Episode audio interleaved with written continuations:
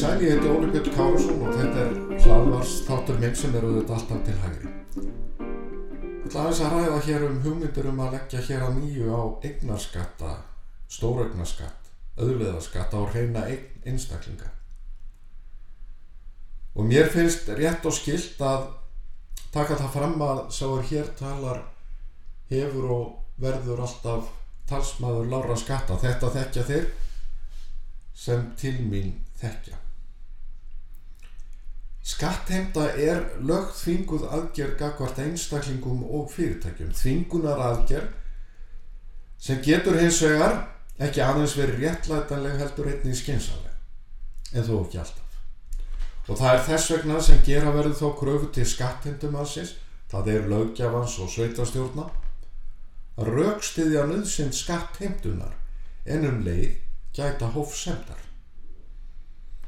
Þessi krafa hefur ekkert með það að gera hvort innhemta skatta í hvaða formi sér er, eigi sér lagastóð, eða sé innan þeirra marka sem stjórnarskar á heimilar. Með öðrum orðum, það dugar ekki að færa rauk fyrir álagningu skatta með vísan til þess að hún standist ákvaði stjórnarskar.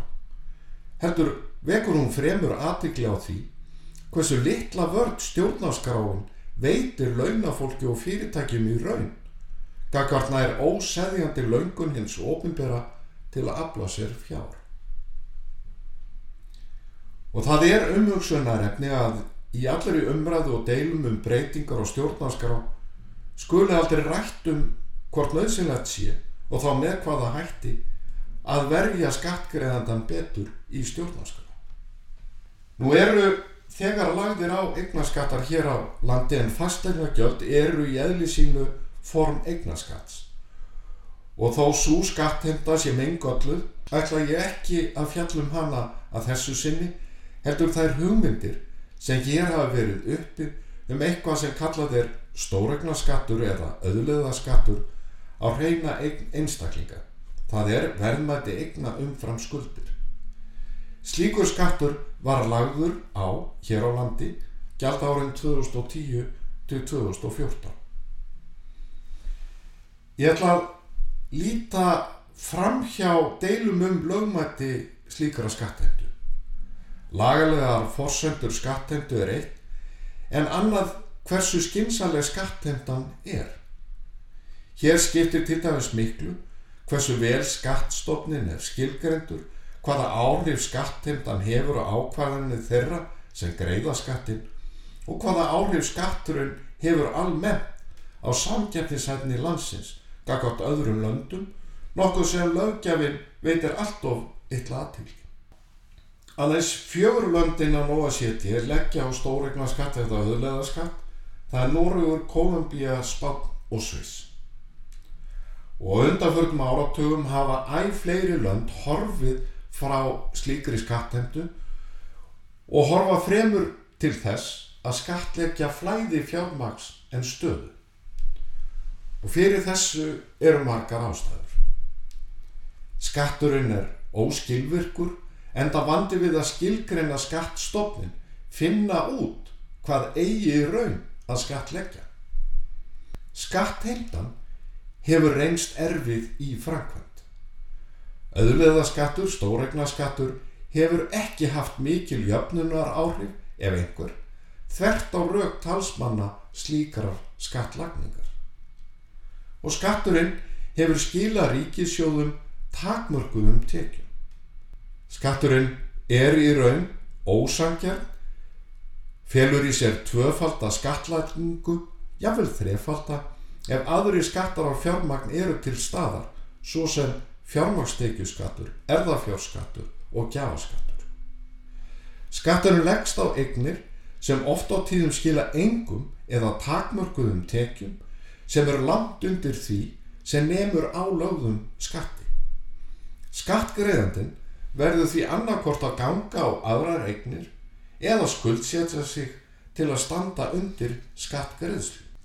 Í skýrslu OECD um stóregnaskatta frá árinu 2018 eru færð fjölmörguru gegn skattlagningu stóregnaskat.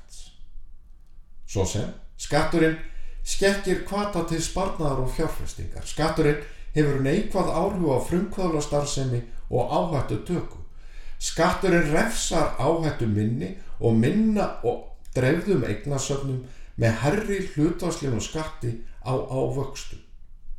Skatturinn myndar óréttlæti gagvar þeim sem hefja snemma sparna og ná að byggja fljótt upp eignir, borga þar að leiðindi meiri skatta en aðrir yfir æfina. Og skatturinn ítir undir fjármaksflota, skattaforðun og undanskott Fámennur hópur skattgreðenda sem flutt getur sig um sér er ekki tröst tekjulinn fyrir ríki sjóð. Og skatturinn felur í sér kostnaðarsama innhendu enda vandamál teng virðismatti egna.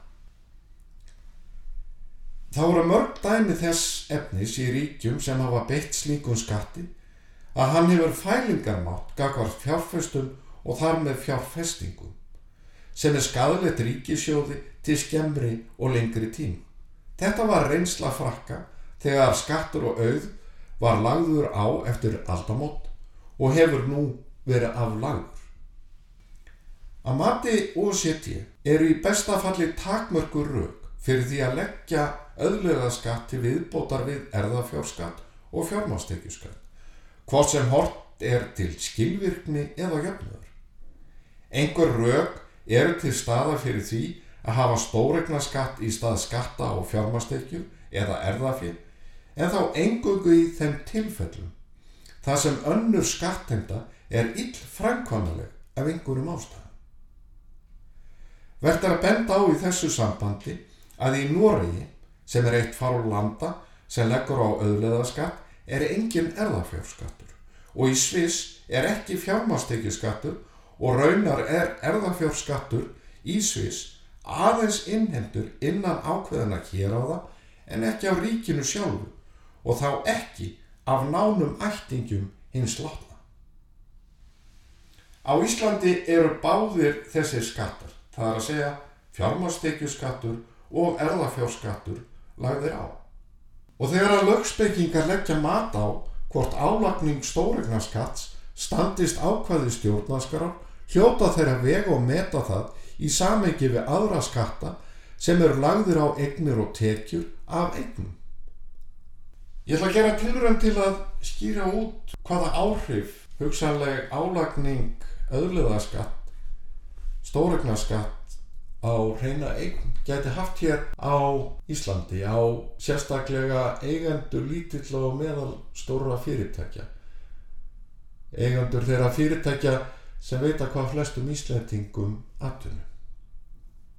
Eins og ég sagði á þann að þá er skatt stofn auðlega skatts, það er að segja skatt á reyna illa hægt að skilgreina og þetta er auðvitað eina ástæða þess að hvert landið að fætur öðru hefur hægt slíkri skattheimtu, eins og ég sagði á þann. Lang flest fyrirtæki hér á Íslandi eru enga hlutafélög eða hlutafélög í eigu nokkura einstaklinga oft fjölskyldna. Auðvitað eru til önnur félagaform en þessi fyrirtæki er ekki skráð á hlutabriðamarkaði, verðmætið er því í bestafalli óljóst. Nafnverð hlutafjár segir lítið til um hversu verðmætt fyrirtækið í raun er. Órástafað eigið fyrir og hlutafjör er í raun eina viðmiðið sem skatturinn gæti stuðst við. En jáfnveil það er í bestafalli brótættur mælikvarði. Og nú ætlum ég að reyna að skýra þetta út og því miður þarf ég að nota tölur og ég vona að mér takist að skýra þetta út. Tekjir tilbúið dæmi. Sigrun og Þór eiga fyrirtækið Eljan EHF. Nafnverð hlutafjór er 1000 krónur en bókvart eigið fyrir er 10.000. Það er innra virðið er 10. Sigrun og Þór greiða sér út 10% af afnafverði eða 100 krónur. Þau greiða 22% fjármastekjuskatt eða 22 krónur og halda því eftir netto 78 krónur. En þau þurfa einnig að greiða eignarskatt, auðleðarskatt og hugmyndir hafa verið um 1,5% og eini grunnurinn sem skatturinn getur lagt á er eigið fyrir fyrirtækisins. Alls verða þau skötuhjúin því að greiða 150 krónur í auðleðaskatt. Sem sagt, Sigrun og Þór þurfa að greiða alls 172 krónur í fjármaks og egnarskatt vegna elju. Þau eru því 94 krónur í mínus. Þau eiga þá um tvo kosti að velja. Að ganga á eigin sparnað og eða fá lán frá viðskiptabankarum til að standa undir skattinum eða hækka argareisluna frá fyrirtækinu í liðlega 19% af hlutafjö til að koma út á sléttu. Þannig að útgreitur arður standi undir fjármastekjuskatti og egnarskatti eða alls 192 krónur. Og kannski eru þau svo heppin að fyrirtækið hefur löst fyrir til að standa undir auknum argaræðslum. Ef ekki verða þau að skuldsetja fyrirtækið eða selja eignir. Sama hvað þau gera það hefur verið að veikja fjárhanslega stöðu fyrirtækisins. En jafnvel þá eru þau að horfa fram hjá þeirri staðrind að elja fyrirtækið sjálf hefur þegar greitt liðlega 38 krónur í tekjuskatt vegna þeirra fjármunna sem þau þurft að greiða sér út í arð til að standa undir öðleðar og fjármakstekju skatti. Og fólk getur veltið fyrir sér hversu miklu kvartar það eru fyrir einstaklinga að standa í aðtunrarekstri þegar svona verður í pottin búið.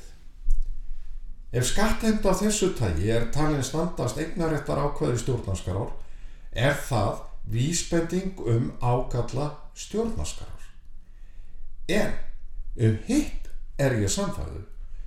Upptaka auðleðarskatt, stóregnaskatta, er efnahagsleg fyrra sem dregur úr fjárfestingum og vilja einstaklinga til efnahagslegra aðtapna er aðför að eigandum lítill og meðalstóra fyrirtækja refsar ungu fólki sérstaklega sem hefur sparnað snemma á æfinni, ítur undir fjármaksflóta og dregur úr skattekjum ríkisins til framtíðar.